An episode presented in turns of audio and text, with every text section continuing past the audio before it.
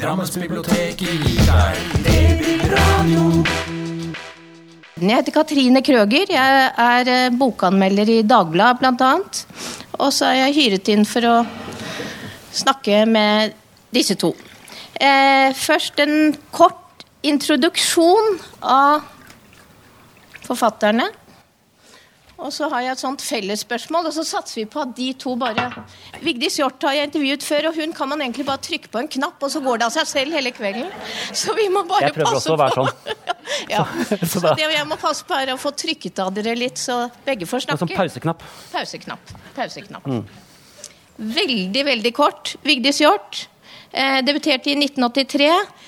Du har nærmere 30 utgivelser bak deg og skrevet ungdomsbøker og dikt og romaner. Prisbelønt og kritikerrost. Jeg kalte deg en gang eh, Norges fremste kvinnelige forfatter, og da fikk jeg så mye kjeft. Fordi, men du er en av Norges fremste forfattere. Ja. ja. Du fikk ikke kjeft av meg. Nei, det gjorde jeg ikke, men jeg skulle ikke bruke ordet kvinnelig. Så da skal jeg ikke gjøre det. Eh, du har skrevet mange romaner som er ganske tett på ditt eget liv, må man kunne si. Eh, du ble nominert til Nordisk råd for arv og miljø. Eh, hvor du lagde eh, et år med en litterær debatt, vil jeg si, om hvor eh, hvor, hvor sterkt forhold kan være mellom forfatter og virkelighet. Liv og virkelighet. Og så er det 'Lærerinnens sang', som kom i fjor. Eh, veldig kort. Den handler om eh, Lotte Bøg. Du har veldig ofte forfattere som eh, er litt sånn enslige damer som driver med noe kunstnerisk. Det gjør hun også. Helt tilfeldig. Hun helt tilfeldig. Og som er veldig smarte. Og veldig Ja, ja. smarte. Det er ikke det eneste som ikke er Hun her, er, hun, hun her er ferdig med menn, forresten, og det pleier de jo ikke å være, disse damene dine. Hun her er det. Hun underviser i dramatikk på skuespillinjen på Kunsthøgskolen. Eh, og så er det en student som heter Tage Bast, som spør om han kan eh, få lov å filme henne, følge henne, mens hun underviser. Halve boka, og det tror jeg kanskje er det vi kan konsentrere oss en del om, den handler om hvordan hun kan formidle Bertolt Brecht, som er en av dine yndlingsforfattere, tror jeg, Mor Courage, til søvnige kunststudenter. Eh, det ender ganske dramatisk, det må man si. Og så er det Simon Stranger. Han debuterte i 2003. Du har også skrevet Gjorde du ikke det? Jo. Jo. Ungdomsbøker. Nominert Ja, du er nominert til Nordisk råd for arv og miljø. Eh, du har skrevet noen svære totalromaner, ganske ambisiøse. Eh, Og så har du skrevet eh, kritikerroste ungdomsbøker, som jeg har anmeldt. Veldig glad i. Nominert til Nordisk råd for de som ikke finnes. Den tredje av de. Og så må man vel kunne si at du har slått gjennom i fjor da, som voksenbokforfatter med boka som vi nå skal snakke om, 'Leksikon om lys og mørke'. Ganske kort så handler det om familien kommissars skjebne i Trondheim før, under og etter annen verdenskrig. Det er din svigerfamilie. Ja. Eh, og parallelt så laver du Du prøver å leve deg inn i hva slags menneske Henry Rinnan var. Torturisten. Eh, det er ganske forskjellige bøker, det her. Men det er en Jeg vet ikke, er det mange av dere som har lest disse bøkene? Ja. Jeg har funnet en fellesnevner som er ganske påfallende, og som er tematisk svær. Og det er altså forholdet mellom kunst og krig. Hvordan kan du formidle lidelse? Hun prøver, Lotte prøver å formidle en krig på 1600-tallet til sine kunststudenter. Du reflekterer rundt det, men du gjør det jo faktisk. Ja, eh, ja, hvordan gjør man det? det og det, det er jo liksom hva all kunst dreier seg om. eh, opplever jeg. Enten man skriver fiksjon eller man skriver ting som, som er basert på virkelige hendelser. Så er det jo å forsøke å gi liv til det som, som Egentlig åpner man en bok, så er det jo bare svarte flekker på hvite ark. Egentlig. Hvordan, hvordan får man de svarte flekkene til å bli til mennesker og følelser og tanker og stemninger og steder som gjør at man glemmer at man sitter og ser på svarte flekker, og plutselig så er man eh, på Kunsthøgskolen i Oslo, eller man er i Trondheim, eller man er på 40-tallet, eller man osv. Så, videre. så det er jo det skriving handler om. Um, mer konkret i forhold til denne her, som som da handler om uh, hvor holocaust er som bakteppe. Så starter, starter boka med en scene som er helt reell. Uh, for noen år siden et, et kunstprosjekt som heter 'Snublesteiner'. Som jeg ikke vet om dere kjenner til. Men, eh, men en tysk kunstner som heter Günther Demnich, som laget et prosjekt hvor han har, han har felt ned eh, såkalte snublesteiner, eh, som er en slags brostein av messing, utenfor bygårdene der hvor, eh, der hvor jødiske familier bodde. Um, bare, bare de som har blitt drept. da. Som har fått, så står det helt sånn kort og kjølig. Her bodde, og i dette eksempelet, Hirsch-kommissar. eh, født der og der, død 7.10.1942. Um, og dette snublesteinprosjektet er jo nettopp et forsøk på, fra hans side på å gi liv til disse menneskene som fikk livene sine forkortet. De som ble myrdet, da, rett og slett, uh, under holocaust.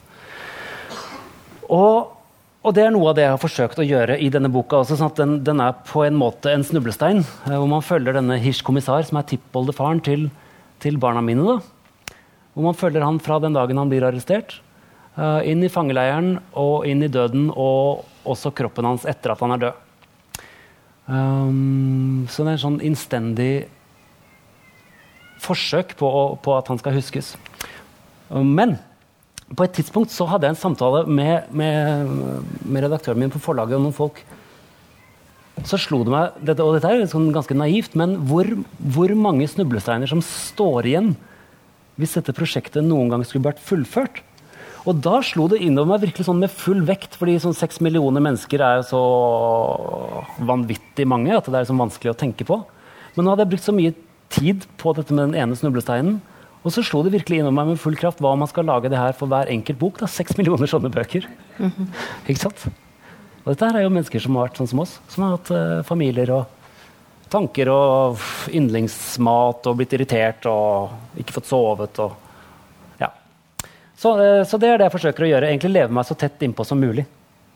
Det var et veldig langt svar.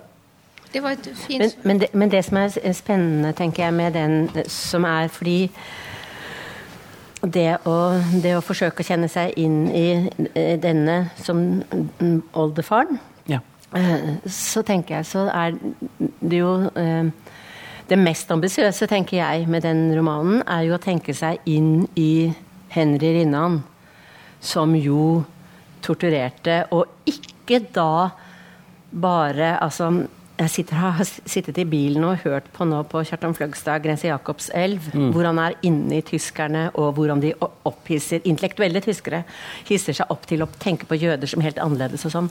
Men noe av det Henry Rinnan gjør, det er jo som du følger fra Du følger han jo biografisk, har researchet åpenbart. sånn og det om hvordan et menneske kan bli sånn at du klarer ikke bare å, å torturere og kveste og drepe på grusom måte også nordmenn. Altså, ikke bare de han opplever som helt fremmede, eller også sin kjæreste og sånn. Og og det å prøve å gå inn der, da, det syns jeg er det mest ambisiøse og det mest skremmende med boka. Fordi det liksom, fordi Hvordan skal man klare å gå inn i noe sånt, da? Det er jo, men det, det syns jeg du greier liksom forbausende, for, forbausende bra. For det er jo veldig Ja. Ja, men takk, men det har, det har vært veldig viktig for meg i den boka, og er liksom noe av undersøkelsen. Så Endre Rinnan var altså da nordmann, født i Levanger i 1915, eh, og endte opp med å bli den første spionen eh, og agent for tyskerne eh, i Trøndelag. Så han, han var en sånn eh, infiltrerte motstandsbevegelsen. Fikk etter hvert uh, ca. 30 bandemedlemmer på det meste. Og hadde et hovedkvarter som er på, på forsiden av den boka. Eh, Og I det hovedkvarteret så, så planla de nye aksjoner, og i kjelleren så torturerte de folk. Eh, De hadde to fengselsceller, og tre personer ble drept og partert på slutten av krigen. Så det er liksom så langt og så ille det går. Og hvordan ble han den? Ja, hvordan ble han det mennesket? Fordi, ja, fordi Og det er et sånn filosofisk standpunkt for min del, da, at jeg tenker at ingen mennesker er født sånn. Nei, nei. At, at ingen mennesker er født som monstre. Eh, som, eh, som gjør det mer ubehagelig for oss som samfunn. Fordi jeg tenker jo at Henry Rinnan ikke hadde tenkt, trengt å bli Henry Rinnan. Eh, og at det er, eh, det er flere steder i livet hans noen sånne nøkkelpunkter hvor, hvor jeg ser andre muligheter for ham.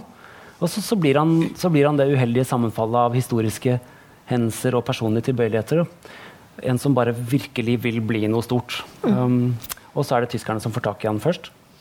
Um, og da, da, er det en del ting som settes i gang, og så er det på en måte ikke, ikke noen vei tilbake. Men om jeg får si noe For Ja. at det, eh, det er jo liksom det å gå inn i det onde på den måten, eh, og så hvorvidt de er monstre eller ikke. Eh, og det er jo noe av det Mye av din bok, første halvdel, handler jo om mor Courage, og som er opportunist under krigen, 30-årskrigen på 1600-tallet. Og jeg oppfatter jo også at du heller ikke tenker at eh, det er ondskap nødvendigvis, verken fra hennes side eller sønnens side, at krigen bare gjør en sånn? Mm, Eller? men, ja, men det tror jeg, men jeg tror at forskjellen på dette altså Dette som blir veldig tydelig i forhold til det jeg kunne om Rinnan, f.eks. Det er at han var, sto på tyskernes side. Han var i, mm, tyskernes redskap og torturerte mm, motstandsfolk. Men noe av det som blir veldig tydelig når jeg leser din bok, det er jo ikke bare det, men det som skjer forut for det. Og det er at han infiltrerer. Altså, han later som når han møter nordmenn som er motstandsfolk, så later han som han er motstandsfolk også. Det vil si, han hører på. Han sitter og hører på deres hjelpeløshet, deres ønske om å ta tyskerne. Han sitter og jukser allerede der. Fordi en ting er, tenker jeg på sånn at ja, du er satt til å torturere noen, det er forferdelig selvfølgelig, men altså allerede at han lokker disse stakkars motstandsmennene og får høre hvor de har nedgravd våpen, for dermed etterpå å sende tyskerne på dem. Det er liksom sånn forferdelig sak, da. Men bare for å komme tilbake med det med motocourage, er jo motocourage våpenløs, hjelpeløs, men hun har altså en kjerre med noen varer som hun selger. Har tre barn når krigen begynner. Hun skal selge disse varene til soldater og regimentene. Og de trenger jo sprit og noen pølser, og hun holder på. Og så ender det med liksom sånn at hun da først så mister hun én sønn fordi han blir vervet som soldat. Og da sier hun dette til so soldatververen, da. Det veldig kjente sånn derre eh, Kom, skal vi fiske? For han eh, løytnant sier kom, du burde bli soldat. vet du, Hvorfor går du her med mora di? Hvorfor du ikke, blir du ikke helt i skogen og får damer etterpå? sånn, ikke sant? Han sier mot Courage sånn eh, Kom, skal vi fiske? Sier fiskeren til Meitemarken. Ikke sant? Som om ikke Meitemarken vil gå under i prosjektet. da. Og så, mister, så da mister hun han Han forsvinner til krigen, og så blir han dreper han noen kyr, og da blir han held fordi soldatene er sultne. Og så blir det plutselig fred, for det skifter jo hele tiden, og da dreper han også noen bønder. Og da blir han plutselig hengt for det. Men han sier 'jeg gjorde jo bare det jeg gjorde før'. Ja, men nå er det jo fred! Altså, alt oppheves av hele regler osv. Men bare veldig fort da, så mister hun en annen sønn, og han går til grunne fordi han er så ærlig. For han blir bedt om å passe en regimentskasse. Og det vil han, så når det kom, motstanden kommer, så vil han prøve det. Og så blir han oppdaget, så blir han hengt. Og mo, Motocourage kan jo redde han, men da må hun pantsette vogna. Hun krangler sånn med, om prisen på den, og så blir det han hengt fordi hun ikke sant, sånn, 13 skudd fikk han. Da har hun mista den. Og så går hun med sin stumme datter, som krigen har gjort stum, videre. Vi fortsetter, vi fortsetter. Og så ender det med at hun også dør. Og da er det sånn derre ja, det går til helvete, ja ja. Så mistet alle barna, men vi klarer nok å dra vogna alene. Vi holder på, holder på, holder på. Selv om det går til helvete. Som vi holder på og holder på. Vi vet det går til helvete. Vi holder på. Så, men, men det er jo i, i forhold til de, disse unntakstilstandene som er her, så er en 30-årskrig det er blitt normaltilstand. Og man er nødt til å overleve i ut, i ytterkanten, og så er det om å gjøre å ikke nærme seg krigshandlingene. Så Moto Courage har jo en katolsk fane, den er i katolske områder, og så har hun en protestantisk når hun er der. Og så Helt pragmatisk, og så bytter hun. Så der er jo, mens i, i frontene under annen verdenskrig var jo så tydelig at ikke sant, altså, eh, at, at ideologien også, mens her i 30-årskrigen så er jo vanlige folk de har gitt opp. Og når jeg leste meg opp på den, så viser det seg at det handler jo ikke om protestantisme mot, lutra, mot katolisisme. Det er bare maktkamper Ja. mellom eh, kongedømmene. ikke sant? For det jeg lurer på eh, Det du sier, er at det er litt tilfeldig at Rinnan ble som han ble. på en måte. Altså Du tror ikke på det onde, men da tror du kanskje heller ikke på det gode? Er det, er det, er det For krigen vi, har, vi snakker jo Det skal egentlig handle om identitet her, som jo er et veldig vidt begrep. Mm. Men er det sånn at det er litt tilfeldig hvem som blir helt, og hvem som blir torturist? da? Ja, det tror jeg. Det, Kan er enhver bli torturist, og enhver bli helt? Om, om ikke enhver, så i hvert fall veldig mange av oss. Og det er det jo mange psykologiske eksperimenter senere som viser. Eh, sånn at, eh, sånn at, at dette, dette kan veldig mange av oss bli. Og, og Henry Rinnan kjempet på norsk side først. eh, I et par uker før de ble tatt av tyskerne og internert i en fangeleir. Eh, Og så er det noen biografier som skriver om en sånn veldig, veldig dramatisk flukt som jeg ikke har valgt å ta med, som jeg tenker bare er bløff. Han var veldig, veldig smart. Som ikke man har, mm, ikke har funnet belegg for, eller? Jeg har ikke funnet belegg for det, men det står i, i hvert fall en av de kjente biografiene om ham. Men uh, En flukt fra flukt fra, dette, fra et sånt, en fangeleir på Snåsa, hvor han beskriver Nettopp. at han og en annen de slår ned en tysk soldat, og de tar Ja, over en lastebil, det, ja. og det er mm. veldig voldsomme greier. Ordentlig sånn Hollywood-prosjekt. Jeg tror nok at de bare ble sluppet fri, ja. og så var det bare å tuske hjem med halen mellom beina, og så um, så det, det er flere ting. Han, han er en mann med veldig, veldig få muligheter når krigen kommer. Um, mens du skriver om så dette, dette, dette stykket som snakket om i stad, det er et Bertolt Brecht-stykke. ikke sant? Som hun hovedpersonen skal formidle for studentene på Kunsthøgskolen. At det er liksom rammen. Da ligger et spørsmål der som jeg ikke kom med. Nei, Men jeg tenker på i forhold til dette med helt, hvem, hvem kan bli helt og sånn, så tre, jeg tror jeg at noe av det som Hvis man skal sammenligne dette du skriver om til vår situasjon i dag, så er det sånn at når livet for noen har en form for sånn tristesse, da, sånn som det litt har for Rinnan fordi han har levd og du er en litt risikosøker-type fordi du føler han er jo veldig liten, føler seg litt underlegen, alt det der. Har store drømmer om hva han skal liksom gjøre. Og så skjer aldri det derre momentet hvor du blir løftet fram eller sett eller kommer opp på scenen eller sånt noe. Så tilbyr krigen utrolige muligheter for særlig de eventyrlystne unge mennene.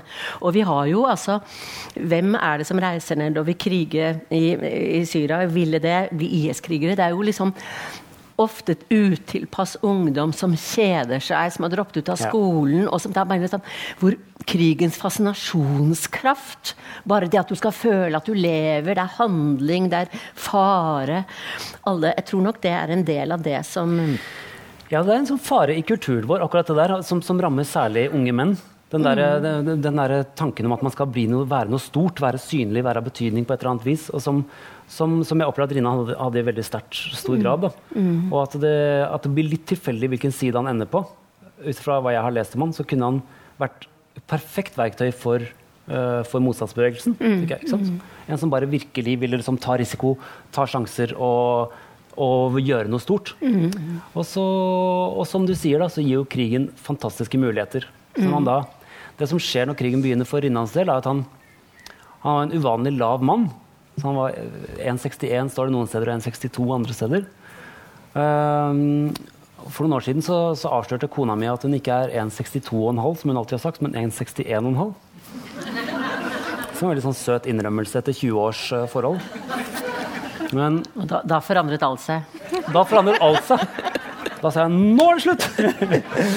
Nei, um, mens for menn er jo det der litt annerledes. Um, så at, at dessverre så er, det, så er det noen sånn banale og ganske basale ting som foregår blant uh, gutter. Som handler om som, som ren sånn muskelkraft. Og mange biografier uh, beskriver en, en ung rinnan først, først som en sånn beskjeden ung gutt, som lærerinnen sier. En forsiktig og stille gutt. Men så blir han hundset og plaget. Uh, og også som, som ungdom så får han seg etter hvert en kjæreste og faktisk gifter seg og får et barn og har en jobb. Så på midten av 30-tallet så er sitter han egentlig veldig godt i det. Um, men så syns han ikke det er nok, da, så han begynner å underslå penger i butikken. Og Det er liksom et av de stedene hvor jeg virkelig anklager Rinnan. For det er noen andre som har spurt meg da, om, jeg, tenker at det er sånn deterministisk, at, han måtte, at det måtte gå som det måtte. Sånn som stortingspolitikere, de bare må. De bare må. Jeg brukte 500 000 jeg på å reise hit i stad. Det skal jeg skrive av etterpå. Og det har jeg glemt at jeg brukte så mye på. det. Det Men dere eh, eh, En ting er lidelsen som vi vet eksisterer. Eh, men mye av din bok, eh, Vigdis Hjorth, den går jo på hvordan du som kunstner kan formidle lidelsen, og hvorvidt du kan formidle den. Eh, forstillelsen i det å formidle lidelse, kan man si det sånn? Eller i hvert fall er det mye av Lotte Bøchs refleksjoner når hun prøver å lære disse Men, det men akkurat det der er litt sånn selvbiografisk, for jeg har undervist veldig mye i f.eks. 'Det gode mennesket Seth Svansberg', som mine yndlingsstykker av Bertolt Brecht. Og jeg skal ikke dra hele hvordan det, men det handler altså om liksom, en, en kvinne som forsøker å være god, og hun får det ikke til. For hun får en butikk, og hun bare gir til de som ikke kan betale. Hun skjønner at hvis jeg skal fortsette å være god, da går jeg til grunne. Jeg mister hele butikken min. ikke sant? Så hun skjønner det, så hun ser seg nødt til å kle seg ut som en slem fetter. Så en gang i måneden så kommer hun da og drar nådelist inn sine penger som hun har gitt gratis. da Hun har gitt varer til som ikke kan betale. Så jeg er nødt til det. Og de, I landsbyen begynner du å savne det gode mennesket Seth Swan, for det er bare den slemme fetteren som kommer Pengene mine, pengene mine. ikke sant? Og de savner henne som de i sin tid utnyttet på det groveste. Og, men så er hun blitt gravid, og så vokser da magen under dressjakken. Og på et tidspunkt så må hun ta hele den fettermasken av. Og da sier de i landsbyen til', altså det gode mennesket. 'Er det deg?' Og så sier hun noe veldig flott filosofisk, selv om det er veldig enkelt, i Brechts ånd. Ja, jeg er begge. Å være god var for vanskelig. Akk, vår verden er vanskelig. Den som vil hjelpe de fortapt, er selv fortapt. Så kommer gudene ned på sånn hastebesøk for å se hvordan det står til med menneskene. Og kjenn til, så de vil straks reise opp, og kjenn til bare roper 'Ikke reis uten å gi meg råd og retningslinjer for hvordan jeg kan være et godt menneske'. De bare rister på det og reiser. Og kjenn til historia 'Hjelp'. Da kommer det inn en forteller helt på slutten av stykket, som det ofte gjør i Bertolt Brechts stykker. Og han sier, Lotte Bøck sier det, og jeg har sagt det på svensk, for den oversettelsen er bedre. Kjære publik, vær ikke vred om denne slut er ute av ledd. Kan et godt menneske assisteres når happy end skal produseres? Kjære publik, det er deres slut. Dere bestemmer det når dere går ut. Og det har jeg stått og sagt med så stor patos til unge mennesker. Det er deres slut. Dere bestemmer når dere går ut. Og det er jo sant. Det er jo summen av alle våre enkeltmenneskers handlinger som bestemmer om slutten skal bli happy eller ikke. Ikke sant? Dere er deres slut. Dere bestemmer når dere går ut. Og så går jeg og drikker øl. Og det er liksom Hva er det verdt når jeg selv ikke har gjort det til å forandre noe med min egen kropp? Altså, og det misforholdet mellom min egen patosfylte moralsk stemme, og jeg leverer det til studenter, eller hva, og så går jeg selv og har liksom glemt det. Hva er det verdt da? Det er, det, det er faktisk det som gjorde at jeg skrev denne boka. Jeg, ja, jeg tenkte bare at hun, det, Ja, det er kjempeinteressant. ja, dette mennesket må bare ha en rystelse, liksom. Ja. Og det får hun, for da kommer denne unge kunstneren fra Kunstakademiet som vil filme henne. Ja, ja da, men, men det jeg tenker på, det er ikke så- så lenge siden jeg var i Sverige. Og da var et sånt veldig ja, Jeg nett, kom jo nettopp her fra et sånt veldig Porsche selv, sånn Aker Brygge-aktig sted, hvor Ja. alle folk går rundt sånn veldig liksom, Veldig sognerte. Det er liksom ikke en flekk eller et hår i uorden av sånne nydelige dresser, enten det er menn eller kvinner, og dokumentmapper og klokker og frisører og alt sånt noe. I stor fart, liksom. Og jeg fikk bare lyst til å sette ut benet sånn. pent. Og jeg er bombesikker på at det mennesket som da falt og så blir sånn, Det ansiktet som da ville komme til syne, ville være et mye mer sympatisk ansikt som jeg kunne identifisere meg og kjenne meg igjen i. Og, sånn, og det der med å bli, miste ansiktet sitt Jeg har veldig stor tro på det. da. Sånn. Men så står det jo Og det er derfor så sier- Når Lotte Bøck blir med på det prosjektet, så tror jeg hun aner når Veldig ofte er, kommer mennesker opp i åra, så er man liksom enig med seg selv i sin egen selvhistorie. Hvem er jeg? Hva har jeg gjort? Mitt virke i verden? Min sivilstatus? Alt er liksom sånn. At og Av og til så begynner den, øh, den øh, fortellingen den går på automat. og Dere kan sikkert høre når dere hører mennesker dere kjenner godt, forteller til mennesker de ikke kjenner. Dere hører det, hvordan de forteller om sitt liv. Så hører dere hvor mye de lyver. Og hva de underslår, og hva de ikke sier, og hva de opphever. liksom. Og sånn, jeg tror at De, de fortellingene på, på, automat jeg tror at de egentlig vil tror Lotte Bøck egentlig vil rystes ut. Og jeg tror jeg siterer et dikt som jeg ikke husker hvem som har skrevet nå, men som, er, som, som går sånn Det er en som banker på en dør, da. Og så blir det åpnet. Det er egentlig et kjærlighetsdikt, tror jeg. Mm. Unnskyld at jeg forstyrrer. Du ikke bare forstyrrer. Du skaker hele min verden. Velkommen. Og det er jo det, da. ikke sant? Er, så jeg tror Lotte Bøck er der hvor jeg litt var, og så ønsker hun på å bli skaket. Da. Så går jeg og skaker henne. Så ønsker hun at noen skal komme og skake meg også, så jeg Jeg jobbet saken, da. ja. Men hva tenker du om eh, Simon Stranger, som er småbarnsfar og setter seg åtte timer og skriver seg inn i Rinnans liv, og så drar du hen til barna i barnehagen? Jo, men, nei, men jeg, jeg har veldig stor tro på at selvrefleksjon er alfa og omega i ethvert liv.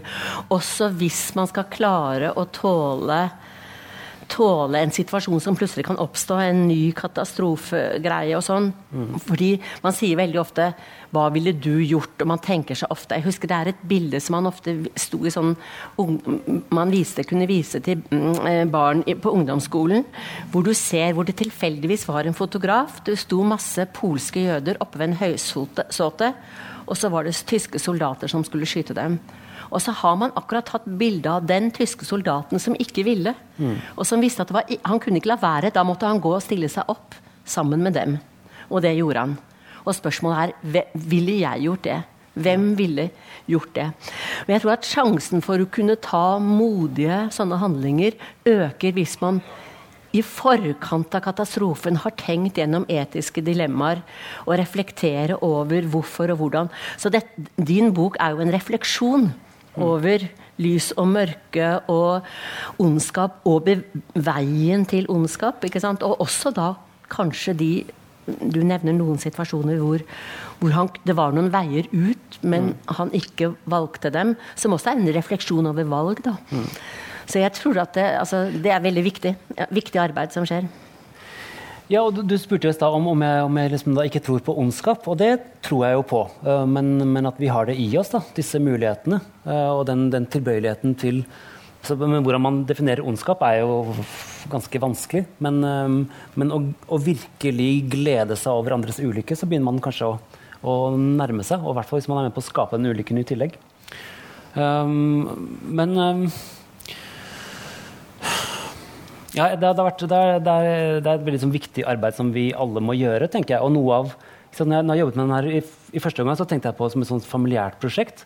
At liksom, det startet på et kjøkken på Nesodden hvor, hvor svigerfaren til eh, kona mi kommer ut og spør om jeg vet at, uh, at svigermoren min vokste opp i huset til Rinnan. Og det visste jeg ikke. Så denne jødiske familien som så vidt unnslipper holocaust, og hun får bestefaren sin skutt i en fangeleir Uh, faren, til, faren, og moren flykter på hver sin kant til Sverige. Kommer seg med nød og neppe over grensen. Og så kommer, når de kommer tilbake igjen, av alle hus, så, kjøper de, så de, flytter de inn i torturkammeret i bandeklosteret. Så da, da, hun fortalte at hun sto Og det, det, var liksom det som gjorde at jeg tenkte at dette var en roman, var da hun fortalte at hun, hun som barn hadde stått i toppen av den trappa og delte ut håndtegnede billetter til et sånt musikalteater som skulle være i kjelleren med hun og søsteren og venninner i nabolaget, hvor de sto og danset og sang i de samme rommene som var torturkammer ti år tidligere. Da tenkte jeg at her er det en roman. Og så, så er det å jobbe seg fram til at det faktisk blir det, som er en annen sak. Men så på en måte så, så fanger, fanger, det bildet for meg hele krigen. da. Så både uskylden hos barna, og så den jødiske familien som representerer holocaust, og så nazismen representert med, med Rinnan og hans bande. da. Men også, kan også tenke, som jeg tenker i hvert fall, er at den, det, For det er jo veldig snålt og rart at mm. disse flytter inn hvor da hustruen ikke vet det først. Mm. ikke sant? I dette stedet. Og ti år er veldig kort tid. Det er veldig kort tid. Eh, når vi er så opptatt av annen verdenskrig nå, ja. så lenge etter, så er ti år ingenting. Jeg har møtt folk på min alder som, som sier at de har krysset gata da de gikk forbi som barn Ja, på, på for å unn- 70-80-tallet. for Ja, for å unngå det. Ja.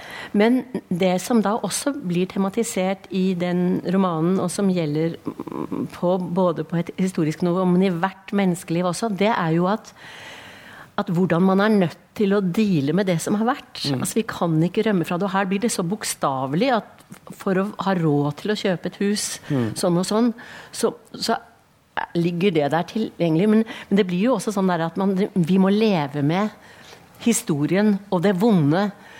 Som jeg ofte pleier å si, liksom at det er ingen som kommer unna barndommen uten bagasje. Men veldig mye av resten av livet kan handle om hvordan man skal greie å bære bagasjen uten å få slitasjeskader. Bære den som best som mulig. da. Og noen har jo mye mye, mye større bagasje enn en andre. Så det at, at det huset altså hvis hvis ikke det var virkelig, så ville det vært liksom et godt bilde, bilde på hvordan og, og, og også vi må tenke på at for, for hele den jødiske befolkningen Vi ser det jo også i den krigen som utspiller seg i Midtøsten. At det der å si vi må legge bak oss, vi må glemme oss sånn, det er, det er veldig lett for, for noen å gjøre. For det er ting som er kjempevanskelige. Ja, og jeg tenker at det er det, nettopp det vi ikke må gjøre. Ja. Vi må huske. Ja, så, um, så den engelske tittelen er 'Keep Saying Their Names'. Ja, ja Som er en veldig fin tittel og sånn sentralt. Uh, fordi Hvem var det som sa det igjen? At de som ikke husker historien, er dømt til å gjenta den. Mm. Det har jeg glemt hvem som sa. Men, eh, så, så det er jo utrolig viktig nå å se hvordan, hvordan fascismen er på fremmarsj igjen. Eh, Så får vi håpe at den ikke vokser noe mer enn det den er nå. Men, eh, men hvordan liksom tusenvis av høyreekstreme demonstranter i eh, Charlottesville i USA sommeren 2017 en liten bølge med, med høyreekstreme i Kristiansand samme sommeren, 2017. Hvordan liksom disse tankene sprer seg, og hvordan disse håpløse eh, konspirasjonene om jøder fremdeles lever. Hundrevis av år etter. Det, det både irriterer og overrasker meg. Mm. si jeg, for, for meg så er det noe av det eh, underligste, fordi jeg jo altså sånn i, i min oppvekst ikke liksom har møtt noen som jeg har visst om at har vært jødisk, og hvis jeg har hørt det, så er det liksom sånn det er litt tilfeldige barna til Tom, eh, Grünfeld, Bertolt Grünfeldt. Ja, og, ja, men det var liksom å si fordi det var mens, mens man vet jo hvem som er muslimer, fordi nå er det liksom det muslimske sånn. Men akkurat det at jøder altså de, hvor er, fi, er det fienden? Hvor er fienden, da? Kjempe Det forbauser meg. Det forbauser meg at, og dette er jo mennesker som jeg aldri har møtt noen. Ja, ja, det, ikke, altså, altså det, er, det, er, det, må, det er på en måte en slags merkelig teori som må, må være virkelighetsfjern, jeg vet ikke, eller som er en overlevning. Antisemittismen er en, Ja. en sykdom som, som ikke engang krever jøder, sa Ja, mosaiske, ja. lederen av Mosaiske trossamfunn. Det er så rart, Så den klarer, klarer seg helt fint uten jøder. Ja, Eh, og Det er jo noen liksom- der. Og når du noen. sier hvor ofte treffer du jøder, så er jo det, det handler jo om holocaust. Ja, selvfølgelig. Så de ble jo drept. ja, Så det er jo, det er jo uhyre få igjen. ja. Uh, I Norge var det jo veldig få fra før. Men, eh, men det er noen anslag på hvor mange mennesker ville det vært, hvor mange jøder ville det vært i Europa hvis det ikke hadde vært for holocaust. Så det er jo liksom noen anslag som er sånn 60-70 millioner. Mm. Av, av disse 6 millionene, hvis de hadde fått barn og barnebarn og oldebarn. Så det er liksom Spanias befolkning da, som ikke er her. Som Mm. ikke kan sitte på, i Drammen på en kafé eller reise på ferie eller undervise eller hva de nå enn kan gjøre. Mm. Så ja, jeg blir jeg egentlig ganske forbanna av. Mm. Og, og at den, der, den biten At jeg fortsatt kan kjenne på et sånn ubehag som jeg beskriver i boka også, når sønnen min tegner sånn bursdagskort. Så av, av en eller annen merkelig grunn så tegner han davidsstjerne. Og vi er jo ikke troende. Og ingen i kona mi sin familie har vært det på flere generasjoner. Eh, men likevel så er det en eller annen sånn, sånn frykt forbundet med den jødiske identiteten. da. Og, og kona mi Rikke, da, som, som opplevde i ungdomstiden at Hvit valgallianse kommer og deler ut uh, antisemittisk propaganda i skolegården. Eh, og også som barn at hun gikk sammen med en gutt som var jødisk, som ble banket opp. Som, ikk- som han visste antagelig at hun også var jødisk. Eh, og Så blir han banket opp på veien hjem mens de går sammen, og han sier ikke at hun er også jøde. Og den skammen hun har båret på etter det. så, alt, hvor, så mye som, er, um, som fortsatt er ødelagt. Det Ja, som er, ja, bare si, bare, nei, bare fordi at jeg så, helt tilfeldig sitter i, sitter i bilen og hører på Grense Jakobselva Kjartan Fløgstad. Det skal være Kjartan Fløgstad-seminar i mai. Eh, men hvor, hvor den, den boken, hvor han nettopp beskriver Fordi man har tenkt på veldig mye av det som antisemittismen, altså med en form for sånn berme, da. Men hvordan intellektuelle også på en måte forholdt seg eh, intellektuelt til, til det. altså Fant ut teorier omkring hva det var i jødedommen som var skadelig, og kunne undergrave det, eh, det liberalistiske prosjektet osv. Slik at det var flere fronter. På en, han skriver om det på en måte som jeg ikke var klar over at var hvor, hvor gjennomgripende det var, fra øverst til nederst. Ja, Ja, det, det har vært i kulturen vår i lang tid. Så noen ting, ting som jeg har oppdaget som jeg ikke visste om før jeg begynte å lese eh, om denne boka her. Mange av oss vet at det var forbudt med jøder i Norge fram til 1851, eller hva det var. Eh, Men Martin Luther skrev en bok på 1530-tallet som het 'Om jødene og deres løgner'. Som altså er et så utrolig hatsk skrift. Som er litt sånn overraskende av eh, For jeg vokste opp i en kristen familie og har liksom vært på kirkebenken. Og Martin Luther er jo han tenker jeg, han var jo en snill mann. Formatoren. Ja. Men så, så hatefull mot jøder. Yeah. Så dette her er jo ting som, som har ligget i kulturen vår i veldig lang tid. Um, det må vi slutte med. Så, så det er jo, og det må vi bare virkelig, fordi det fins jo ikke folkegrupper. Så det er noe av, noe av det som, som jeg pleier å snakke om når jeg er rundt med, med publikum som er litt yngre enn dere. da. Det er at det, det, det fins jo ikke svensker eller muslimer eller jøder eller menn eller ikke sant? Det er veldig enkelt for oss, og det er, det er en det er en sentral del av måten hjernen vår sorterer virkeligheten på. Men det er alltid en forenkling. Mm. Det, det fins egentlig ikke. Det er, det er bare en konstruksjon i hodet vårt. Så når vi tenker oss nøyere om, så vet vi at liksom, alle de menneskene som lever i gata der hvor vi bor, er jo veldig forskjellige. Eh, Og, Stranger, det er, Ja. vi, vi har kort tid, og det er veldig vanskelig å bryte av et sånt tema og hoppe til Jeg snudde noe meg helt liksom helt vekk fra deg, ja, nei, nei, nei, og det beklager jeg, men jeg tenker ehm, For det er så mange temaer her. Og så Ja. er det veldig vanskelig å ha Vigdis Hjorth i tale uten å komme inn på forholdet mellom liv og skrift. Eller eh, du, du også skriver deg jo selv inn i boka di.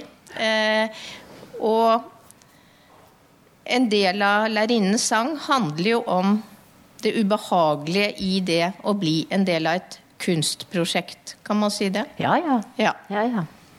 Og det har jo du blitt, men du har jo også gjort andre til det. Om ikke i arv og miljø, som overhodet ikke er eksplisitt, men i tidligere bøker. ja, ja. Um, det er jo ganske grusomt av forfattere, er det det? Eller ja, det er en del av kunsten, eller hva, Ja, hva nei, tenker altså, du rundt tenker- For det? det første så er det jo slik at romanen, i likhet med all kunst, altså, men særlig romanen det er, altså, det er en feil å si og tro at romanen har vært fiksjon. Altså Romanen har tradisjonelt vært enormt virkelighetsnær. Altså Dante, en av de første romanene han skriver jo om navngitte men- italienske mennesker som han plasserer ulike steder i, i helvete, f.eks. Altså, brevromanen, den franske brevromanen, den har alltid vært veldig, veldig virkelighetsnær. Eh, Så det, det er faktisk ikke noe det, det er ikke nytt. Men det som er, sånn, det som er forskjellen på f.eks. Altså det, som har, det som kalles virkelighetslitteratur, da. La oss si vi skulle begynne med Knausgård. Selv om i Sverige så har det vært et fenomen. Han satt jo i Sverige da han skrev også. Så er jo det at han bruker navn på eksisterende mennesker. Også det har vært gjort mange ganger før. Men i en ny samfunnsmessig situasjon, en ny mediasituasjon, da, eh, hvor, hvor eh, utbredelse og mediene er sånn, så bruker han navn på eksisterende mennesker. Det er det ene, slik at man kan, de finnes der ute. Og så sier han i alle intervjuer sånn at dette er sant. Nå er Knausgård så smart at han selvfølgelig mener at det er sant for meg. Det er jo ingen som kan skrive sant for noen. Og Bare så, som en bitte liten øvelse, da. For, fordi jeg har på en måte brukt mitt eget liv, eller tankeliv, hva, annet skulle jeg bruke? Men la oss si at dere ønsket å skrive en selvbiografi. La oss si dere gikk og satte seg ned, nå skal jeg skrive en selvbiografi. De fleste ønsker jo det, for så vidt. Ja. På sitt Og så, men skulle dere da skrive om hele slekta? He, alle, hele nabolaget? Alle dere gikk i første klasse med? Alle dere gikk på barneskolen se, Alle ungdomsskolen? Hele ved alle i gymnaset. Hver julaften, hver sånn Hele jobblivet. Det sier seg selv altså at seks bind er ikke nok. Hvis du skal skrive noe som skal på en måte yte rettferdighet, noe som skal liksom ta med alt. Og jeg opplever jo like mye mennesker som synes er som fornærmet fordi de ikke er med. Men jeg var jo på den festen. Jo, men du skjønner, du skjønner ikke sant?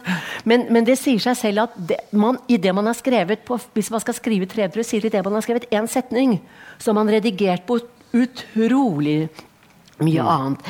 Men samtidig så har jeg lyst til å si én ting som bare så dere skal vite. Eh, jeg, det er 400-500 forfattere i Norske Forfatterforeningen. Og de driver og skiller seg hele tiden. Og helt sånn rutinemessig, et år etter at en forfatter har skilt seg, så kommer det en bok om en skilsmisse. Og da er det selvfølgelig Dette vet vi, dette ser vi som kjenner våre kollegers privatliv.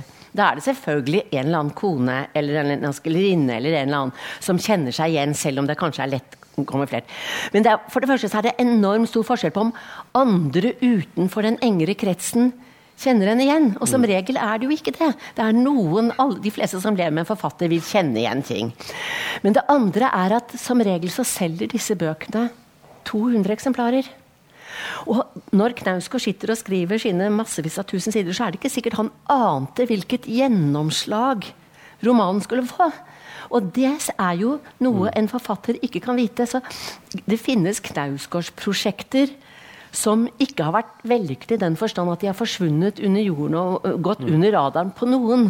Og Derfor er det mennesker som kanskje har sittet og lest og blitt utrolig fornærmet, men det er liksom ikke noen andre å gå og, og, og snakke om det til enn til forfatteren. da. Mm. Men, men, ja. men, denne Lotte Bøk, ja. hun blir jo redigert Altså, øh, han studenten, ja, han redigerer jo et veldig sånn ganske ondsinnet portrett av henne. Mm. Eh, ikke sant? Du plukker ut noen trekk og ja. tar bort andre. Mens... Og det er jo en sånn gru... Det er jo noe grusomt ved at kunsten kan gjøre sånn, men du kunne aldri gjort det hvis du lagde en dokumentar. Nei, ikke sant? At men... kunsten er fri til å plukke hva du vil, og du kan jo skrive sånne nidportretter. Ja. Rene hevnbøker, ja. og kalle det litteratur. Ja, Men da må du ta noen grep som gjør at det, det presenteres som kunst. fordi mens det med Lot, han eh, som lager filmen om Lotte Bøck, han presenterer jo dette som Lotte Bøck, som en mm. film om Lotte Bøck. Men én ting som er veldig viktig for meg å si i forhold til dette, det er at vi, leseren, vi har bare Lotte Bøks egen opplevelse. Kanskje det portrettet ikke var så fælt for andre som så det. Så det er jo den som sitter og leser, som har sin egen forventning. Å ja, skriver skrevet om meg? Så min opplevelse i forhold til min familie bare for å komme inn det er jo at de sier det er oss, men vi er ikke sånn. Og det er jo nettopp det. da, altså at på en måte, Du kan aldri oppleve din egen, din egen opplevelse av hvem du er, i møte med noen du kan, I den andres verden, også når det kommer til kunst, så blir dette veldig eksplisitt. Men du kan jo ikke kontrollere andres opplevelse av deg selv. Men kan jeg ikke bare nevne, fordi jeg tenker på sånn som er Apropos krig også, bare fort En som har sagt veldig fine ting om forholdet mellom kunst og virkelighet. Og det er Pablo Picasso. Og han, For det første så maler han på et tidspunkt et portrett av Gjertrud Stein. Og malerkunsten har jo virkelig alltid forholdt seg til, til uh, virkeligheten. fordi før fotografiet så var det de som skulle liksom male virkeligheten. da. Mm. Skulle tegne et portrett av Gjertrud Stein og få kritikk. Det ligner ikke Pablo Picasso. Så svarer Picasso det kommer til å ligne. Og det er jo også noe. Og så maler han Guernica, det store, forferdende, rystende bildet av byen, den spanske byen ved samme navn, som ble teppebombet av tyske fly, men på ordre fra Franco. Og det var ikke en den første teppebombingen i historien var ikke en høne igjen i den byen. Og han maler dette. Og så, ved tilfeldighetene, så kommer det en av Francos generaler inn i Picassos atelier og sier Har du laget det? Så svarer Picasso. Nei, det har du. Og da har jeg av og til sagt med arv og miljø, da Det fins noen andre som har ansvar for at den boken ser ut som den gjør. Eller delansvar, da. Men det siste morsomste det er at Picasso begynner å male sånne um, kubistiske malerier med to neser og tre øyne og sånn. Så er det en så, borgerlig mann som blir så provosert at han møter Picasso på et tog, viser henne et passfoto. Av sin kone og sier 'slik skal et portrett av min kone se ut', så sier Picasso er det ikke litt lite og litt flatt? og hvis man tror uten å ha en teknikk eller redigering eller ha en form, så blir det å forsøke å skrive liksom ned virkeligheten, det blir lite og flatt. Det må, alt, må være en form til, og det må masse redigering og, og greier. Picasso kunne få sagt det, for å si det sånn. Mm, han kunne. Mm. Hva tenker du, Stranger? For du, du, du, du skriver om hele slekta, eller barnas slekt, i boka di. Og du Jeg- skriver deg selv inn også. Jeg skriver meg selv inn også, øh, så det, det opplever jeg som et veldig stort ansvar. Ja, men, men også at det gir ganske mye energi til teksten. Um, så i, i denne boka her, så er det når, når det står 'jeg', så er det meg i den grad det er mulig. Uh, og de scenene som vi er med, er reelle. Uh, så, så den åpningsscenen hvor vi bøyer oss over en, den snublesteinen i Trondheim, og datteren min lener seg over ryggen min, alt det er helt sånn så, som jeg husker det. Um, men så er det klart virkeligheten som du sier da, virkeligheten er veldig stor. Og jeg tror vi har sikkert alle sammen opplevd å være i den samme situasjonen. Uh, kanskje med, hvis man er med en man kjenner godt, da, en ektefelle eller noe, og så kommer man hjem og så sier ja, men det var jo ikke sånn det var. Det var jo ikke det som skjedde. Så plutselig blir man oppmerksom på, på hvor, uh, hvor, hvordan vi, vi ikke ser verden sånn som den er, men vi også delvis ser den sånn som vi er. da. Vi, tolker, vi tolker hendelser i lys av uh, Eller vi, vi er nødt til å tolke. Um, men og også om, om Rinnan så er det også et stort ansvar. Men det gir også masse energi, da. Eh, Fordi da har jeg brukt masse tid på å, å finne ut hva var det som skjedde. Så alle de sentrale hendelsene med Rinnan er basert på biografier og rettsdokumenter. Alt det han gjør, um, hvor han er. Og nå går det til og med an å gå inn på yr.no og sjekke været. Man kan sjekke liksom 7.9.1943 i Ørsta. Hvordan var været da? Var det lettskyet, sier du? Uh, men, så, så det har jeg forsøkt å få så sannferdig som, som mulig. Og plukke ut liksom, uh, en del scener som er representative for han. da.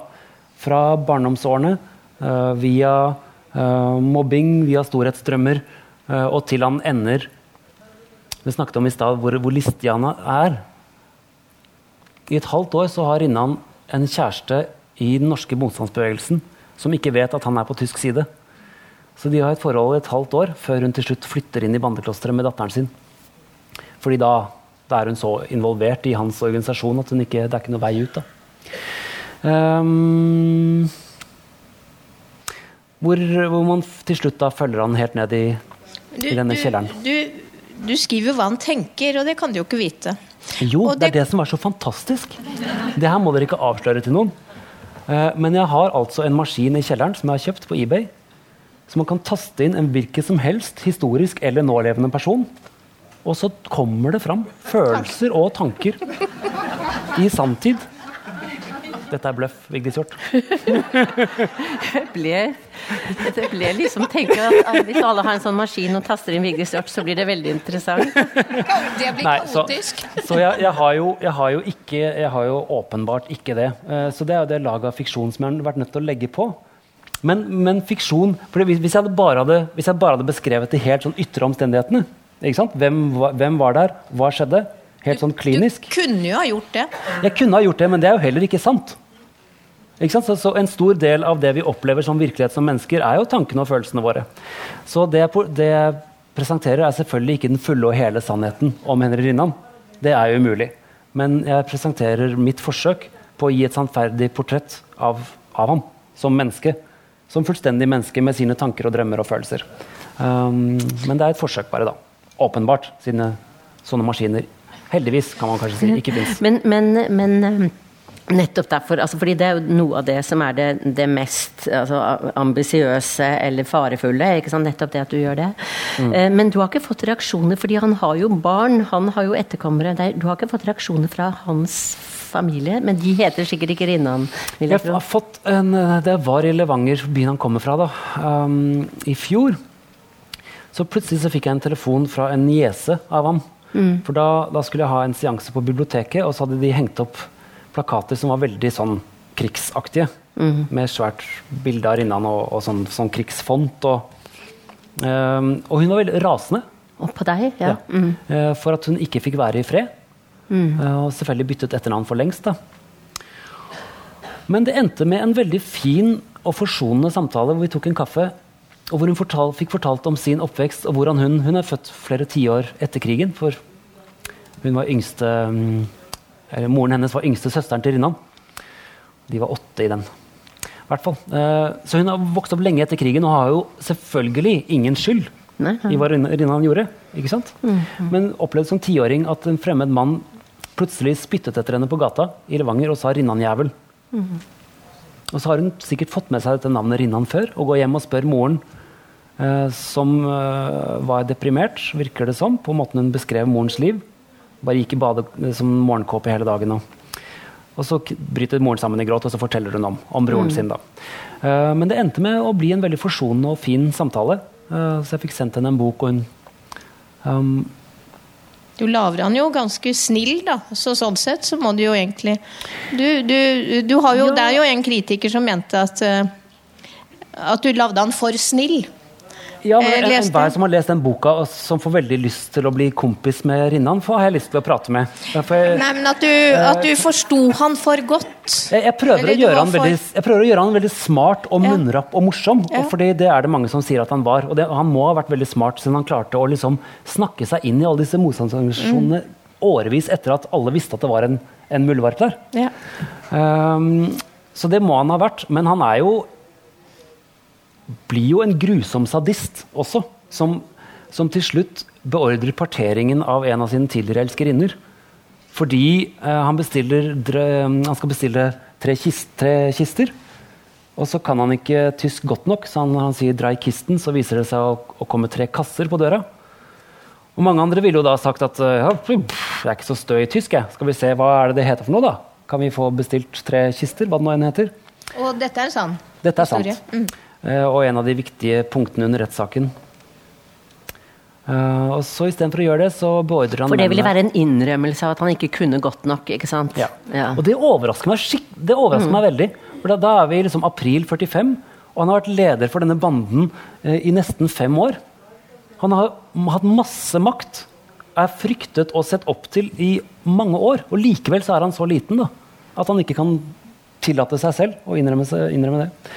Så da tvinger han mennene sine til å partere eh, de likene, så de får plass oppi den kassa. Og så slutter krigen rett etterpå. Og så går det noen år, og så blir de skutt. Mm, Men jeg husker at altså, da jeg leste, var ferdig med å lese boken, så klarte jeg ikke å gå, la være å gå inn på Rinnan. Og der kan du se han i rettssalen, ikke sant? Hvor han smiler.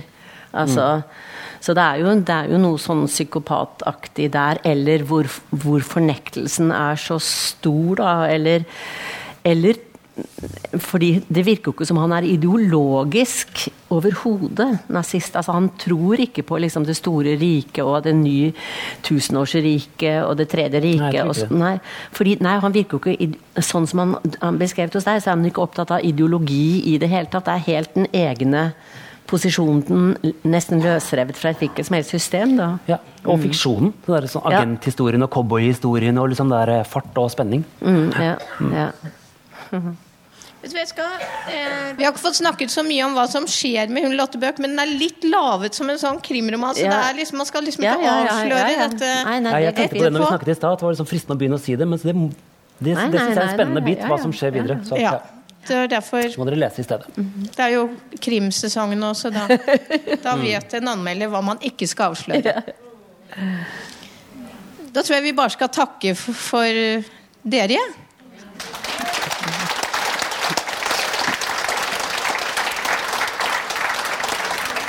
Takk for at dere kom. Ja, takk for at dere kom.